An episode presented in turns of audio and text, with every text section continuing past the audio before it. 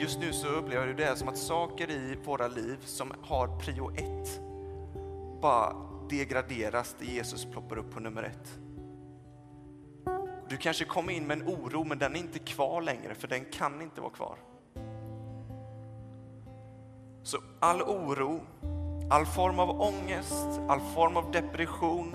Vi säger till dig att du har inget mandat här. Vi säger till dig att, att gå och lämna den här salen. Och vi proklamerar fridens konung över varandra, och över den här samlingen.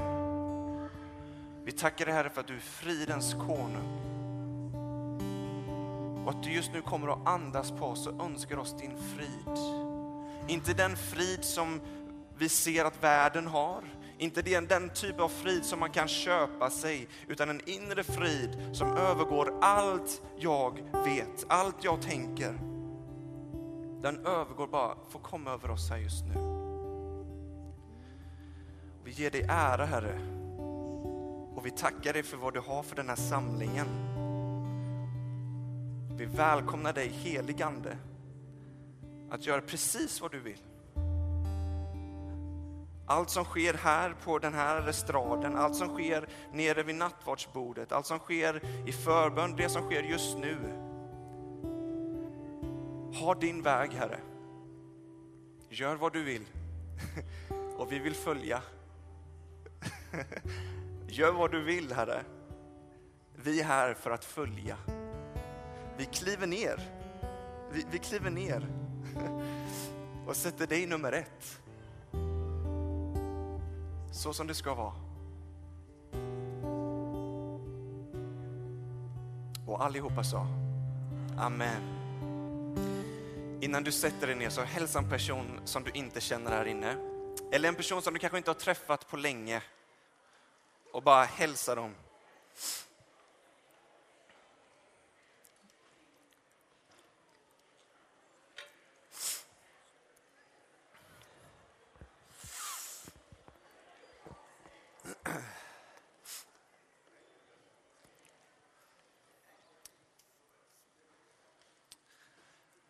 Det är, eh, visst är det kul att vara tillbaks?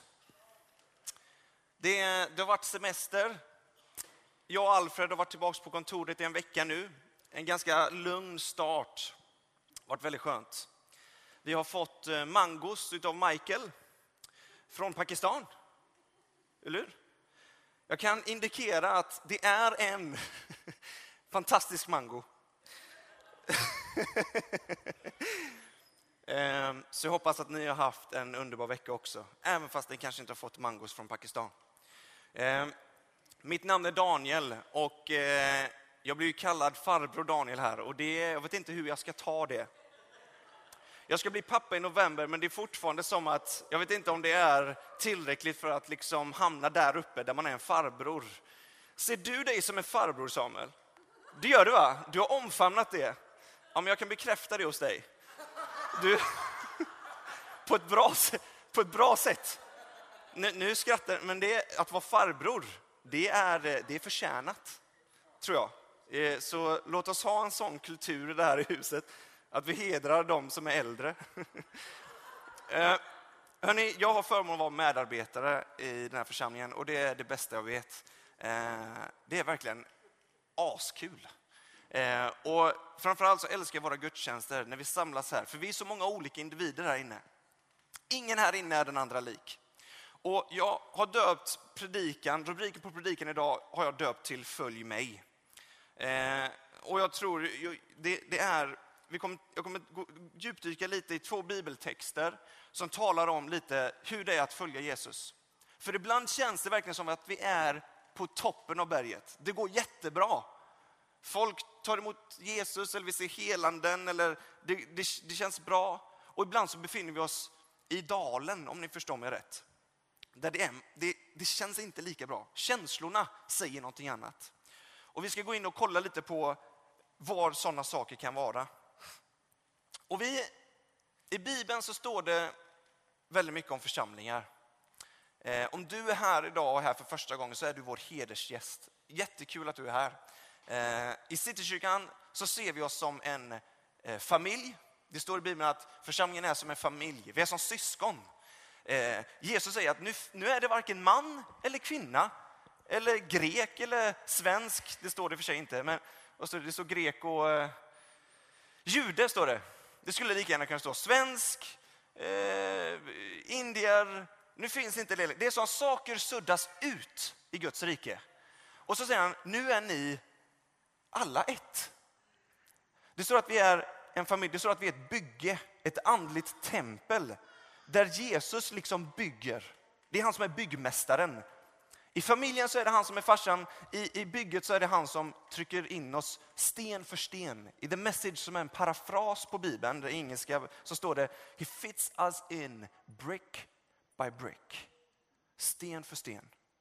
Du som är här för första gången kanske blir ytterligare en sten i det Gud gör. Och det är inga fysiska stenar som bygger upp den här byggnaden i sig, utan vi är ett andligt tempel. Ett andligt bygge. Eh, som har Guds närvaro i sig. Det är en helt fantastisk bild. En annan bild är att vi är som en stad på ett berg som inte går att dölja. Det är helt omöjligt. En stad på ett berg gick inte att inta på samma sätt för den var högt uppsatt på en klippa. Vi har det i Aten fortfarande, den här, eh, vad heter den? Den heter inte Metropolis. Akropolis. Jag tänker Zootropolis, är det någon som har sett den filmen? Den är väldigt bra. Eh, det står inte mina anteckningar om Zootropolis. Men Akropolis, det var svårt att inta för det var en stad på ett berg och alla visste om den här stan för att den syntes. När du har Jesus på insidan, jag är ledsen, men då börjar du sticka ut. Du kan hälsa din granne när du sitter bredvid och säga, det går inte att missa dig. Det går inte. Varje gång jag träffar Britt, det går inte att missa henne. För hon är så full av glädje och liv. Och vi borde vara så tacksamma för att vi har en sån fantastisk barnpastor som Britt. För tack vare henne så är våra kids välsignade i det här huset. Så jag tycker vi hedrar henne med en applåd tycker jag. Bara tacka Jesus för henne. Och det senaste har vi börjat använda ett annat ordspråk som förtydligar lite vilka vi är som församling. Vi har börjat, Paul, han använt det sist, han har börjat använda ord som rörelse. Slår man upp ordet rörelse i Svenska Akademins ordlista, för det kan betyda många olika saker, men bland annat så står det så här. En allmän aktivitet, organisation av personer som kämpar för ett gemensamt mål. Det är någonting som gör att vi är här idag, eller hur? Jag vet inte hur du kom hit, framförallt du som kanske är här för första gången. Du kanske blir meddragen av en vän, eller så kanske du kollar på vår hemsida, eller jag vet inte, du kanske lyssnar på en podcast. Men du känner att jag ska gå till Citykyrkan idag. Då är du, vare sig du vill eller inte, du är med i någonting som sker här nu. Du har blivit riktigt indragen i någonting. Förlåt, jag skämtar bara. Alltså, det är vissa som börjar kolla på mig lite konstigt nu. Men vi är en rörelse. Eh, jag har en vän som heter eh, Linus och hans pappa är med i en församling, eh, en pingstkyrka i eh, Östersund. Och, och var, när han träffade mig första gången så sa han, så, så hade jag precis kommit till city. Och då så, när Linus presenterade mig, det här är Daniel, han är med i, i Citykyrkan, i Pingstkyrkan i, i stan. Eh, jaha, du är med i rörelsen? Sa han till mig. Det kändes väldigt märkligt när han sa det. Men jag, jag antar att jag är det. Eh, men när vi talar om rörelse så talar vi om Guds rikes rörelse. Någonting som Gud är i färd med att göra. Och det är någonting, det är någonting som är on the move, ett movement. Eh, det har rörelse i sig, det, har, eh, det är på väg någonstans. Och det som enar oss här, det är vårt gemensamma mål. Och vårt mål som församling, om du inte visste det så ska jag berätta det nu. Vårt gemensamma mål som kropp, som bygge, som kyrka, som församling är att hela världen ska få lära känna och möta med Jesus, se hans rike komma och hans vilja ske, så som den är i himlen så på jorden. Precis som vi sjunger ut. Det är faktiskt därför vi är här idag. Och det, är lite, det här var min introduktion. Visst var den bra? Så nu ska vi kasta oss in i Guds ord. Och jag, tänker, jag bara kände att vi skulle stå upp när vi läser Guds ord idag. Så skulle vi ställa er upp tillsammans med mig. Eh, För att vi tror, det här är inte vilken bok som helst. För vi tror att det här är, eh, den här är, den är skriven av människor, men den är inspirerad av helig ande, av Gud själv. Det, han är författaren till detta. Det är lite ledsamt att, man, att det inte står, det står ju alltid i innehållsförteckningen, här står det vilka som har då huvudförlag och så vidare, men det borde stå att författaren är Jesus. Jag hoppas att det kommer i nästa upplaga när man översätter den, att man ska fatta det någon gång. Att det är Jesus som har skrivit denna. För vi tror att vartenda ord den här är sann. Och vi tänker att när man läser den här boken så är det någonting som sker på insidan. Vi blir förvandlade. Så jag skulle vilja att vi, nu läser vi, jag läser högt för er eh, från eh, Matteusevangeliet kapitel 28, vers 16 ska jag läsa från. Och lite bakgrund här. Jesus har levt med eh, sina lärjungar, precis som dig och mig här. Eh, han har elva stycken framförallt nu. De, de var tolv, men Judas tabbade sig på vägen så han fick inte vara med längre. Så nu är de elva och så, så går de till ett berg dit Jesus har sänt dem och där säger Jesus sina sista ord innan himmelsfärden. Kristi himmelsfärd. Det är fortfarande en röd dag i svenska almanackan. Bara där har vi något att vara tacksamma för. Av ledighet, menar jag. Så står det så här. De elva lärjungarna begav sig till det berg i Galileen dit Jesus hade befallt dem att gå. Och när de, och när de såg honom tillbad de honom, men andra tvivlade. Då trädde Jesus fram och talade till dem och sa, jag har fått all makt i himlen och på jorden. Jag har fått all makt i himlen och jag har fått all makt på jorden. Gå därför ut och gör alla folk till lärjungar. Döp dem i Faderns och Sonens och den helige Andes namn och lär dem att hålla, alltså lär dem bevara, hålla fast vid Lär dem att hålla fast vid allt vad jag har undervisat, allt vad jag har sagt, allt vad jag har befallt. Och se, jag är med er alla dagar in till tidens slut. Det sista Jesus säger är, och se, jag ska vara med er varenda dag in till tidens slut. Tills det slutar. Jag är med er alla dagar. Ska vi bara tacka Gud för hans ord och be att han verkligen uppenbarar saker för oss idag, gör det tydligt. Herre, vi, vi tackar dig för ditt ord. Vi tackar dig för att det är levande och att det är verksamt. Vi tackar dig för att ditt ord inte bara är vilket ord som helst. Det är inte mina ord, utan det är ditt ord. Och när du talar så sker saker. Så just nu så välsignar vi det som du vill säga till oss idag. Och vi vill säga till dig Herre, vi är förväntansfulla på vad du vill göra. Och just nu så ber vi framförallt för oss som är lite trötta nu på morgonen, inklusive mig själv, att du gör mitt sinne alert. För jag vill inte missa vad du säger idag. Och jag ber att du gör mitt hjärta mottagligt så att det verkligen sjunker ner. Och så ber vi om beskydd över det du säger idag, så att det bevaras i oss. I Jesu namn så ber vi det. Amen. Varsågod och sitt ner. Okej. Okay. Hur många är storebröder här inne? Kan du sträcka upp din hand? Det är rätt så många. Jag är storebror. Jag är storebror till tre syskon.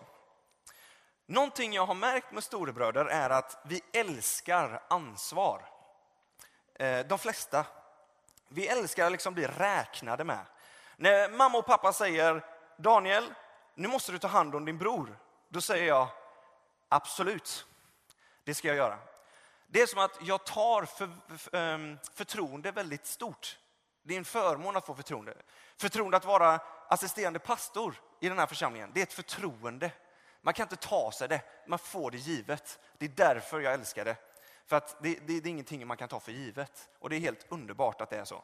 Och, så jag och min bror Marcus, eh, vi var med, vi, våra, vi har några familjevänner. Och vi skulle åka och besöka en familj där jag är uppvuxen, kommer från Göteborg. Så vi åker dit.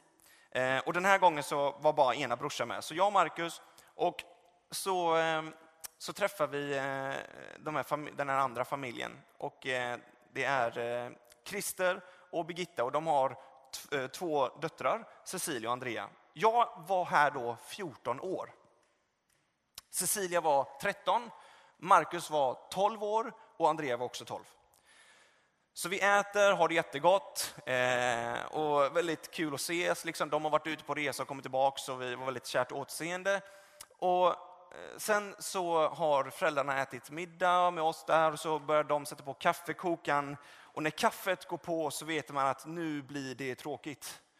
För nu sätter sig alla föräldrar och bara snackar. Och jag fattar inte hur man bara kan sitta och snacka i timmar. Idag är ju det bästa jag vet. Men då, när jag var 14, då var det bara nej. Jag hörde bara och så hör man hur kaffekokaren går på. Då vet man, nu är det dags att hitta på något äventyr. Så jag kommer på att Cecilia och deras familj, de har en nyinköpt båt. En öppen sån här pulpetbåt med motor och ratt. Eh, och jag är uppvuxen delvis vid havet och seglat mycket med min pappa. Så jag frågar Cecilia, ska vi inte fråga om vi inte kan åka ut med er båt? Det skulle vara så rackarns kul. Så hon säger, om vi går och frågar pappa. Så vi går alla barnen till Christer och han säger, ja men absolut. Eh, Daniel, du är ju äldst. Och jag bara, ja. Så du får ansvaret här nu? Ja, visst. Att se till att alla kommer hem helskinnade. Självklart. Jag känner mig så bra att jag blivit tillfrågad att ta hand om alla. Så vi ger oss ut. Och då så säger kristen, ta den stora vägen. Eh, det är en liten omväg, men ta den stora vägen för där är det ändå bebott på väg nu. Då. Och det är ganska fint väder ute. Så vi går ner till den här båten, men på vägen så säger jag, vi går genom skogen istället. Det, jag kan en genväg här, det går mycket snabbare så hinner vi vara ute längre. Och då så säger Cecilia, men vi skulle ju ta den här vägen. Och jag säger, jag vet, jag kommer ihåg, men den här går snabbare. Så alla följer med, så vi går genom en skog. Det fick vi inte. Vi blev tillsagda att vi skulle gå den stora vägen, men jag bestämmer att vi går den lilla. Eh, till slut kommer vi fram. Vi gick vilse på vägen till och med, så vi kommer fram till slut. skulle det ändå varit bättre att gå den stora vägen. Men vi kommer fram till båten och då har det börjat bli sämre väder. Eh, det börjar bli lite vågigt. Så Cecilia frågar mig, Daniel, ska vi verkligen åka ut? Och jag säger, självklart, för jag är ganska sugen på att åka ut med den här båten nu. För hemma väntar bara kaffedrickande föräldrar. Så jag tänkte, vi drar ut. Så de följer med. Eh, och vi ger oss ut. Och eh, det är en ö som är ungefär fem minuter utanför, så vi åker dit. Eh, och då börjar det ösregna. Och eh, det blir ganska mörkt och vågorna är väldigt stora nu. Och så hamnar vågen i sidled så det börjar gunga mycket i båten. Och vid det här laget så gråter Andrea. Cecilia säger, vi skulle aldrig gått. Och Marcus bara, jag kommer inte ens ihåg vad han gjorde. Han bara satt där typ. Så, och så, så, så jag bara tänker, vi kan inte gå i land här. Så vi åker in. Och när jag ger repet till Cecilia som ska förtöja båten igen så darrar hon. Och jag bara känner, vad har jag gjort? Då går det upp för mig vad dum jag har varit som ändå pushat gränserna att vi skulle åka ut. Och jag liksom hör Christers ord så här eka liksom, i mitt huvud att jag skulle ta ansvar. Och jag misskötte mig. Jag, jag gjorde fel. Jag, jag, hade inte gjort det jag blev tillsagd att göra. Så vi går hem, jag får min utskällning av mina föräldrar och sen så kommer Christer eh, och säger att ah, vi, eh, det här var inte bra, men tur att ni alla kom hem. Sådär. Eh, och än idag när vi träffar dem så säger Christer, Daniel, kom du ihåg när du tog ut mina kids i stormen? Det har liksom satt sig. Så det är svårt att tvätta sig ren från det nu. Men vad jag vill säga med den berättelsen det är att jag kände att jag hade mist eh, mitt förtroende där. Jag hade gjort fel. Jag hade fått ett förtroende och jag hade brutit det. Så här. Och många gånger om jag tittar på, om jag kastar tillbaks nu liksom i när lärjungarna står här med Jesus. Så är det som att jag bara får tanken att vi storebröder ibland vi älskar liksom eh, ansvar, men ibland så tar vi oss vatten över huvudet. Eh, och, och nu i efterhand så tror jag att det var framförallt för att jag verkligen vill bevisa att jag kunde hantera ansvaret. Jag tänkte så här, nu hänger det på mig. Nu, om inte jag fixar detta, då, då skiter det sig. Så jag gick liksom in i en roll eh, som nästan var onödig, för det hjälpte ändå inte. Jag tänk, och jag tänk, har du någonsin haft den tanken att liksom, nu hänger det på mig att jag fixar detta? Du har fått en order eller en befallning och så tänker du nu är det upp till att jag, nu är det korten på bordet. Alltså. Nu är det, om inte vi fixar detta, då skiter det sig. Jag kan känna många gånger att jag själv när jag läser den här berättelsen om när Jesus eh, stiger upp till himlen, att när han ger den här befallningen att gå ut och göra lärjungar, som vi talar väldigt mycket om just nu, att jag känner ett otroligt ansvar. Jag känner, nu är det upp till mig att någon blir, om ingen, om ingen blir frälst snart, alltså, då, då skiter det sig. Alltså jag känner ett tryck som faktiskt inte kommer från Jesus, men det känns som att han liksom nästan så här, nu har jag, ett, nu har jag en befallning här och nu måste jag make things happen. Men det står ändå att när Jesus hade sagt detta, vi ska läsa ifrån Lukas, här, det är samma berättelse. Det är ett tips förresten när du läser Bibeln. Det finns de så kallade synoptiska evangelierna. Det är Markus, Matteus och Lukas. De liknar varandra väldigt mycket. Johannes är lite speciell.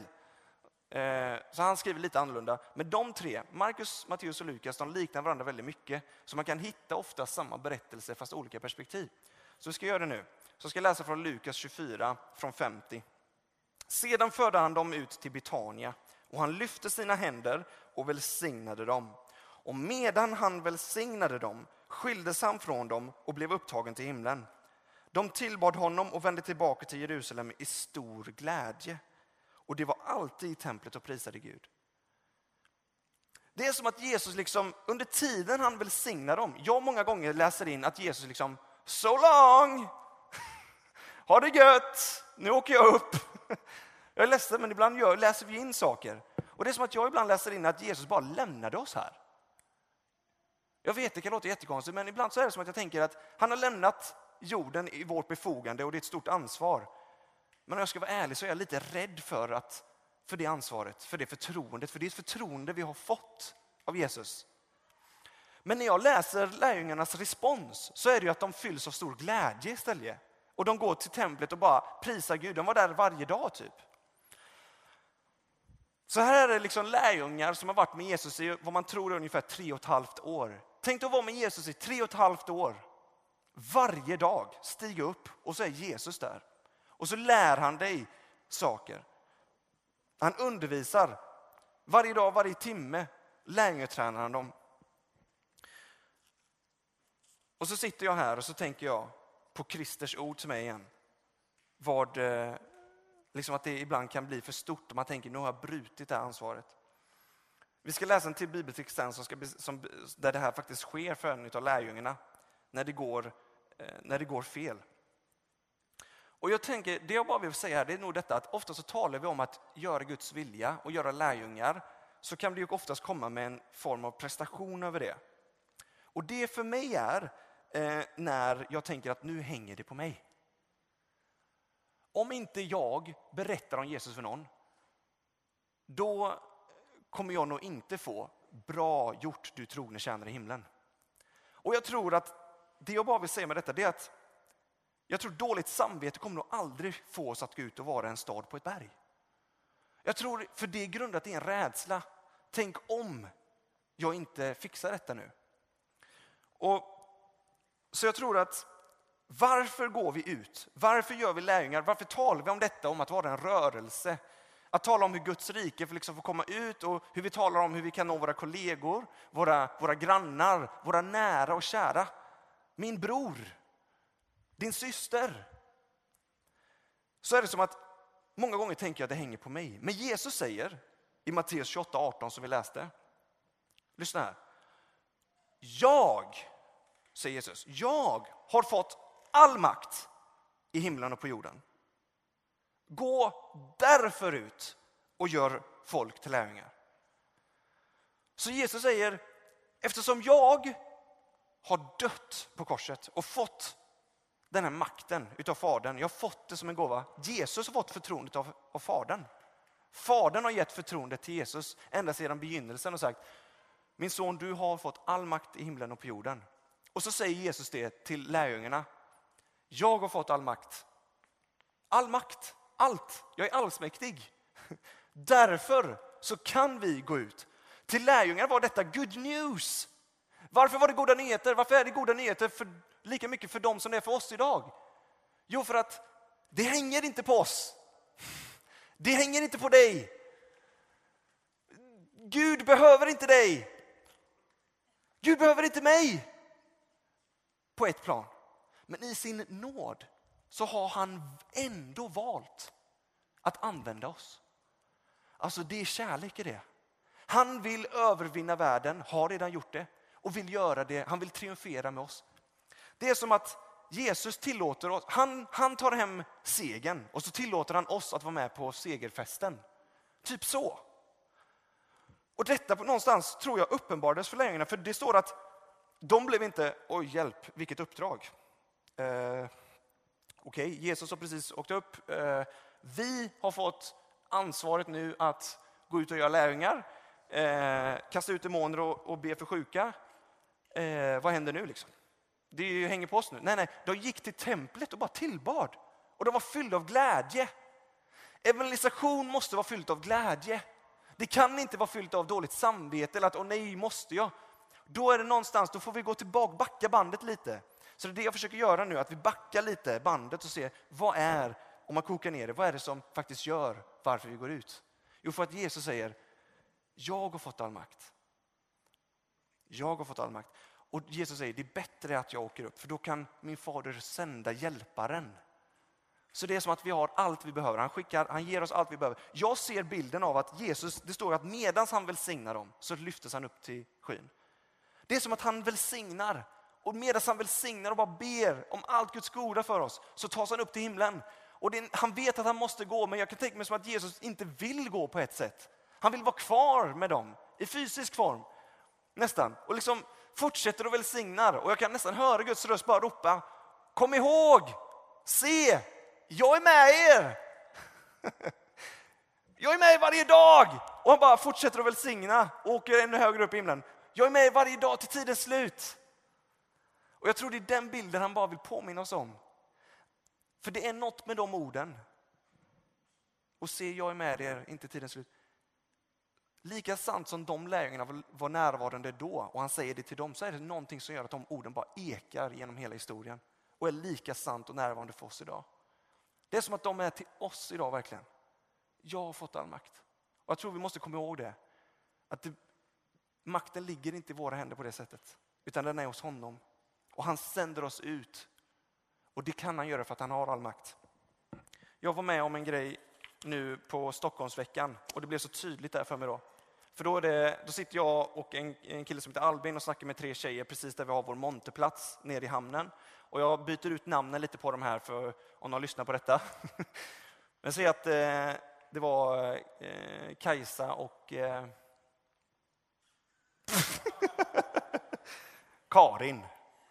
Säg att det var Kajsa och Karin. Okay.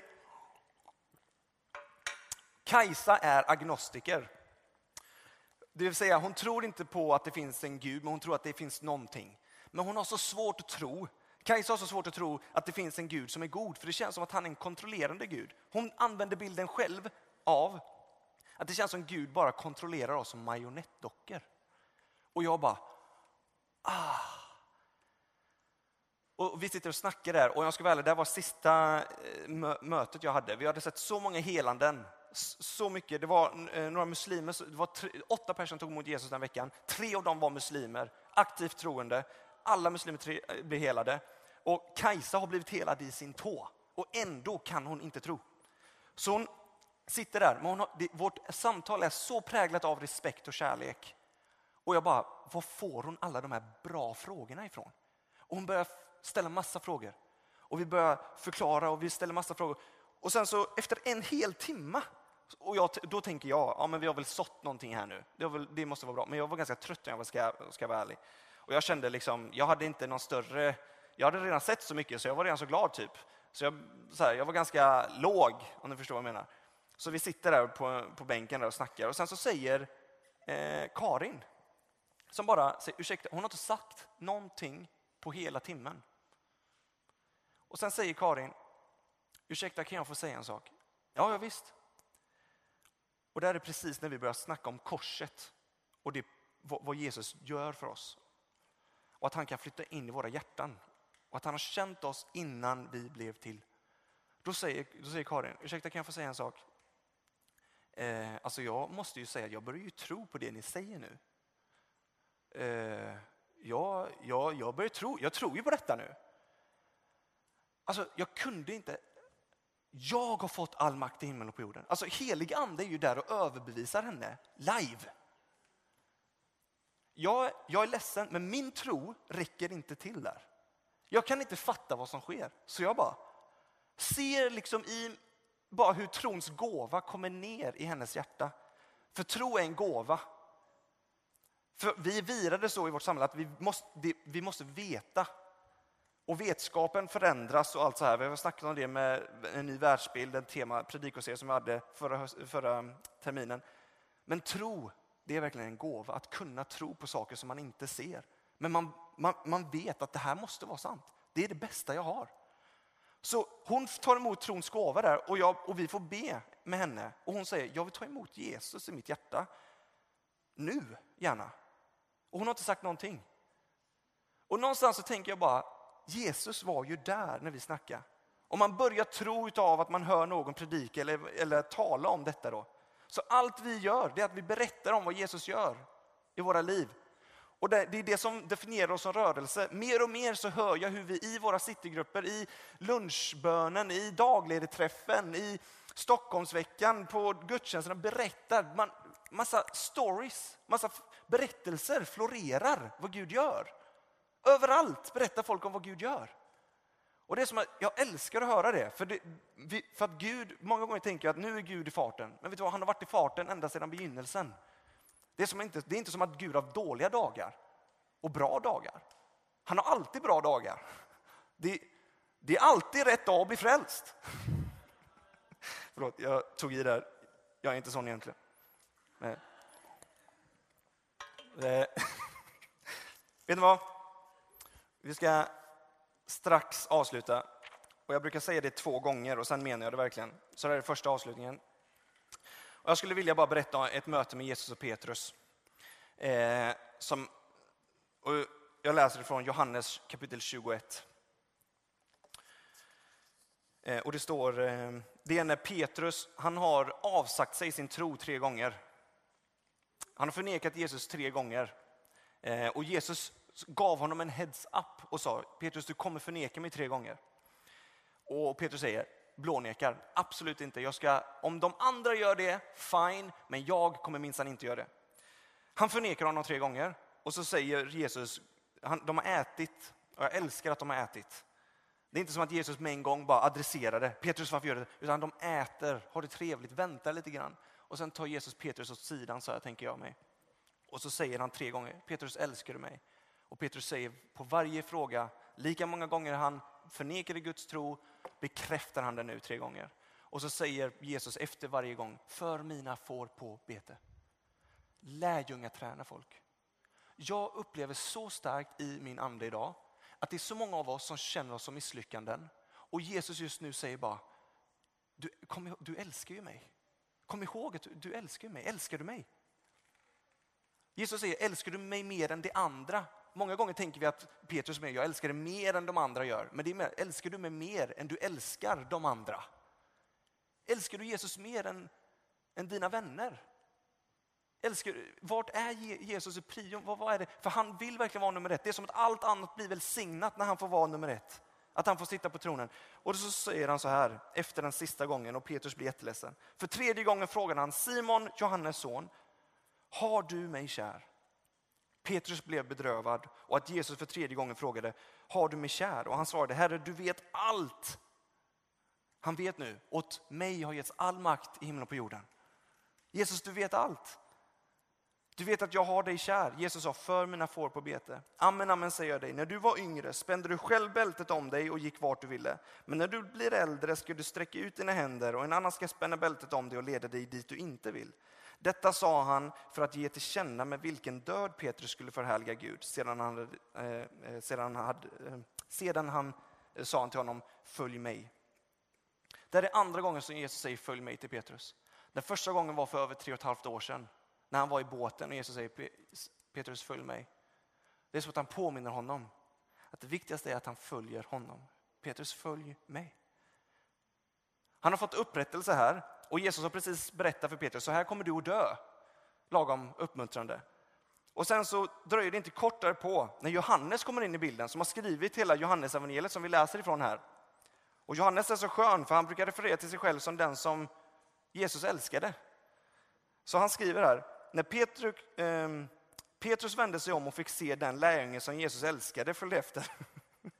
Alltså, han kunde ju bara skrivit, Johannes följde med där, men det var nej, lärjungen som Jesus älskade kommer här.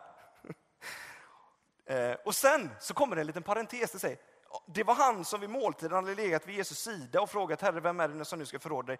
Det är som att Johannes bara vill, vill oss att vi ska veta att lärjungen som Jesus älskade, ja, det var ju han som faktiskt la sitt huvud mot bröstet på Jesus där när de käkade. Han var det. Det är som att Johannes verkligen vill poängtera att jag är, eh, jag är älskad av Jesus. Jag är, jag är liksom. Eh, och då så, så säger Petrus, när han fick se honom, Johannes, så, frågade Jesus, Herre, hur blir det med honom? Jesus svarade, om jag vill att han ska vara kvar tills jag kommer, vad rör det dig? Igen, tredje gången. Följ mig! Förstår ni vad jag försöker komma? Det viktigaste det är liksom att vi bara följer Jesus. Det är så många gånger vi blir sidetracked, att vi blir distraherade. Du kanske tänker, du kanske går igenom väldigt mycket motstånd just nu. Och så tittar du på en annan här inne som kanske går bra för, det verkar som att allting i livet leker och det känns bra. Och du kanske säger, Jesus, jag går igenom massa skit nu, men vad, med han då? What about me? Och Jesus bara, what about you? Vad, vad rör det dig? Vad som händer med den personen? Du, kom, följ mig. Det är som att Jesus bara vill klicka oss rätt idag tror jag. Och nu avslutar jag verkligen. Så lovsångsteamet, skulle ni vilja komma upp och nattvardstjänaren kan gå och förbereda er. Så ska vi strax gå in i nattvarden. Och jag skulle vilja avsluta med att ställa en fråga. Och det är bara, vad är det som du känner distraherar dig just nu? När det kommer till eh, att göra lärjungar. Känner du dig som en storebror som på något sätt har fått ett ansvar? Du vet om att du har fått ett ansvar och fått ett förtroende. Men du känner någonstans, du kanske inte vågar snacka med någon på stan eller du vågar inte ta upp den här konversationen med din granne. Eller, och du börjar känna att det börjar komma en tyngd på dig för att du inte gör det. Jag tror Jesus vill lyfta av den tyngden idag. Alltså. Och han vill säga till dig att jag har all makt. Därför sänder jag ut dig.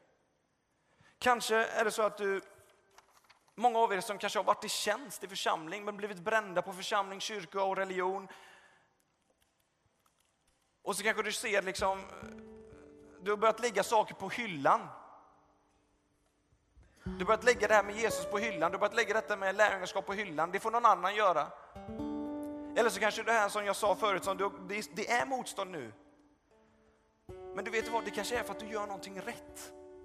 För Jesus sa aldrig, det kommer vara en räkmacka att följa mig. Han sa, i den här världen så kommer det vara motstånd. Det kommer vara svårt att snacka om Jesus. Ibland blir jag förvånad att vi är förvånade att världen ser ut som den gör. Det är trots allt världen. Ibland så ger vi liksom världen väldigt mycket cred. Men vi glömmer av att Jesus säger att det kommer vara svårt. Det kommer kännas motstånd, men var vid gott mod. Och vad säger han sen?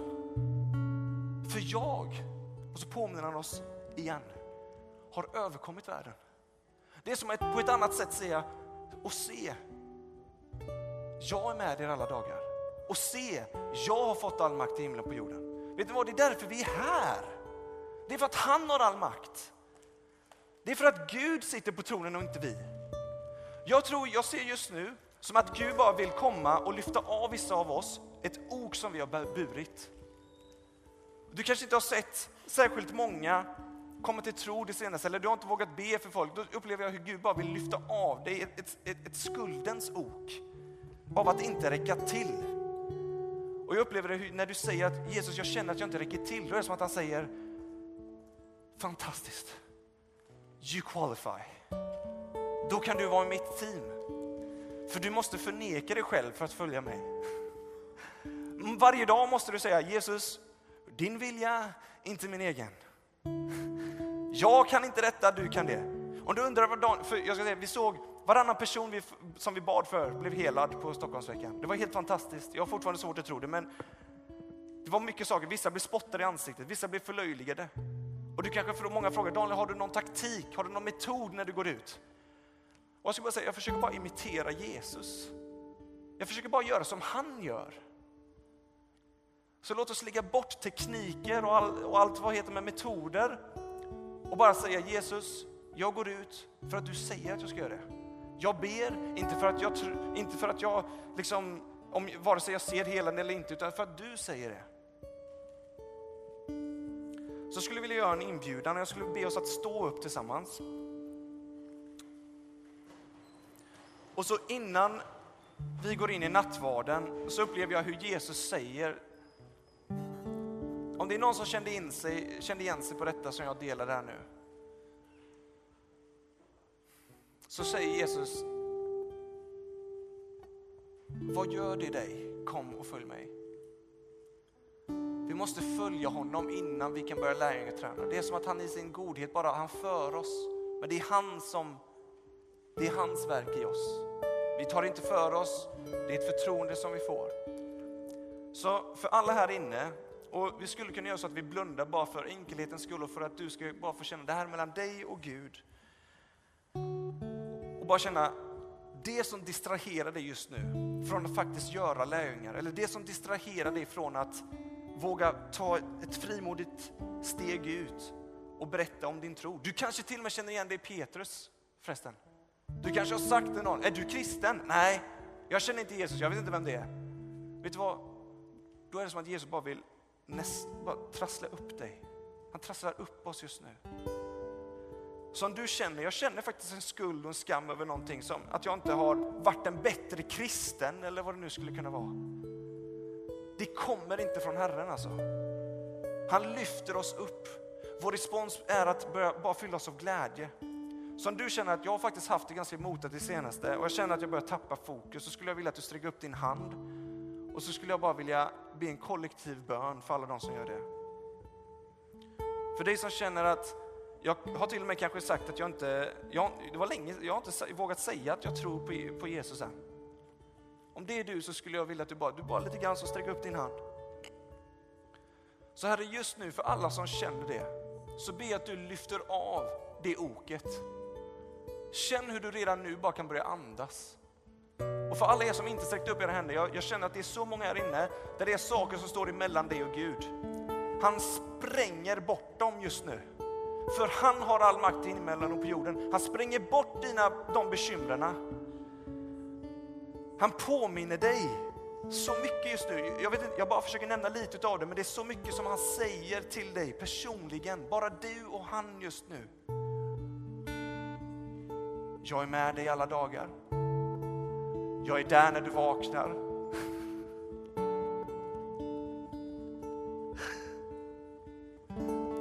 Jag har fått all makt. Det hänger inte på dig. Jag ska visa dig. Jag ska undervisa dig. Jag ska lära dig det du inte kan. Titta inte åt höger, titta inte åt vänster. Följ mig.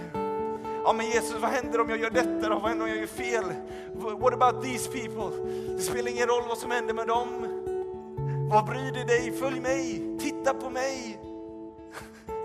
Jesus, just nu, allting som distraherar oss, förgör det, förgör allting som distraherar.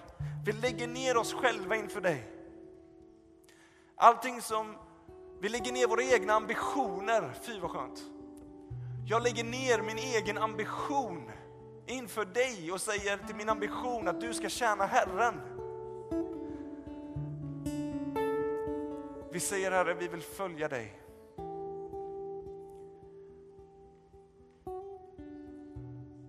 Och där du står nu också så upplever jag att Jesus också vill säga, och jag vill göra den här möjligheten nu innan vi går in i nattvarden. Och du kan fortsätta, kan fortsätta blunda där inne. Du som aldrig har fått, jag är nästan så jag börjar gråta när jag, när jag säger det, men du som aldrig har fått möjligheten att säga ja till en Gud som säger följ mig. Så vore det uppåt väggarna om jag inte möjliggjorde den möjligheten nu. Och jag tror du, om du är här så känner du dig som, som Karin gjorde, att jag börjar tro på det som du står och snackar om nu. Det är inget svårare än så. Jag gör detta för att han har all makt. Men om du skulle vilja säga Jesus, jag vill följa dig. Jag känner inte dig, men han känner dig. Då skulle jag vilja att du sträcker upp en hand i, din, i luften nu. Om du är här idag som vill följa Jesus och aldrig fått inbjudan, så skulle jag vilja be dig sträcka upp din hand. Och det här är inte för alla, det är för dig som vill följa.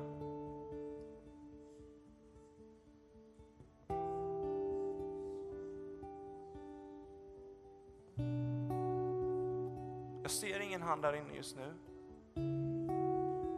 Det kan vara så att alla vi här inne redan har sagt, jag vill följa dig Jesus.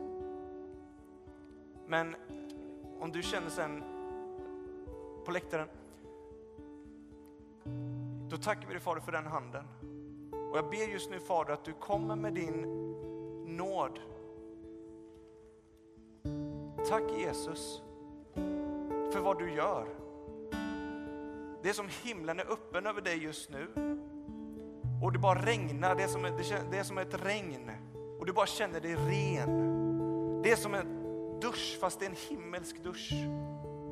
Då är det din dag idag. Det är bara du och Jesus. Jesus springer just nu till dig. Han tänker inte på någon annan inne just nu än på dig. Det är du som är hans fokus. Och han hedrar dig för att du har sagt ja till honom.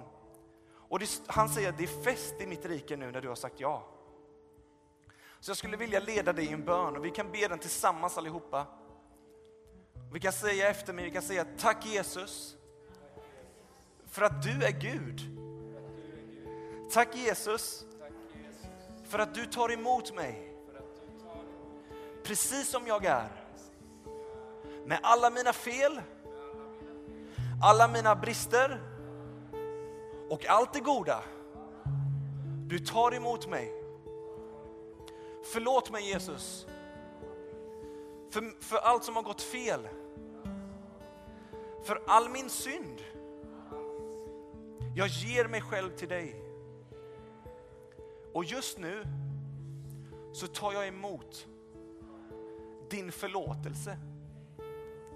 Ge mig en ny start. Jag älskar dig. Amen. Jag tycker vi applåderar Jesus för vad han precis gjorde.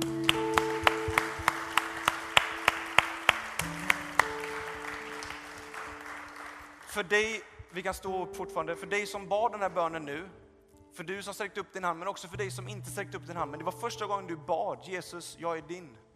Då skulle jag eller någon av förebedjarna, vi kommer vara här på den sidan sen här nere, jättegärna vilja samtala med dig och berätta mer om vad det innebär att följa Jesus. För det är ett äventyr, men det här är på riktigt. Det här är på riktigt. Det är helt fantastiskt. Här nere nu eh, så har vi nattvardsbordet dukat och det finns ingen bättre övergång. Och Alfred, du får jättegärna fortsätta bara spela lite bakgrunden när vi går in i Herrens måltid. Och jag upplever att vi också bara ska ta en stund innan vi går vidare och, och be om, om Guds förlåtelse. Vi gjorde det precis nu när vi bad ut, men jag upplever att vi ska ta och stanna till och göra det igen. Där du får chans att det som du känner just nu distraherar dig.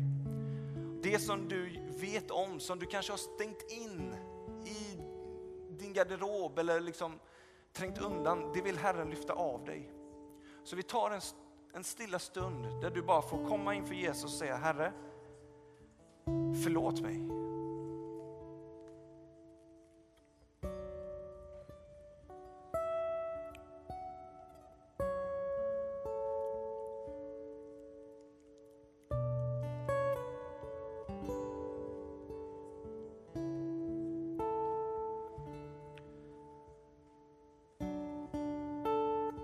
Herre,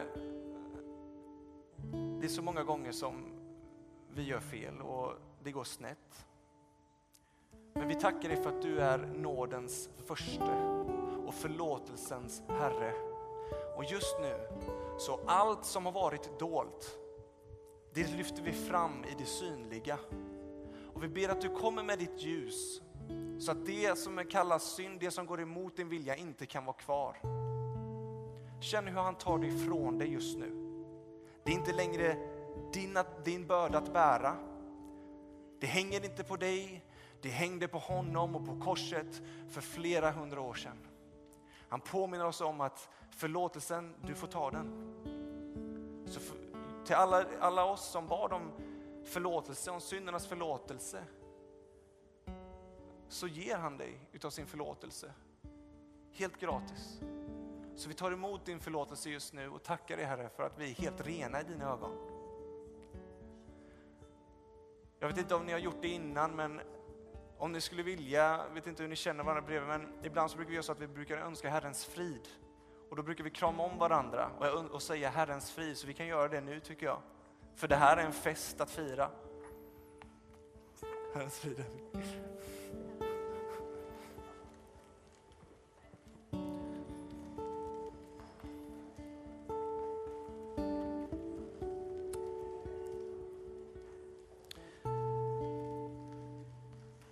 Kan fortsätta stå så ska vi snart komma fram till nattvarden. Och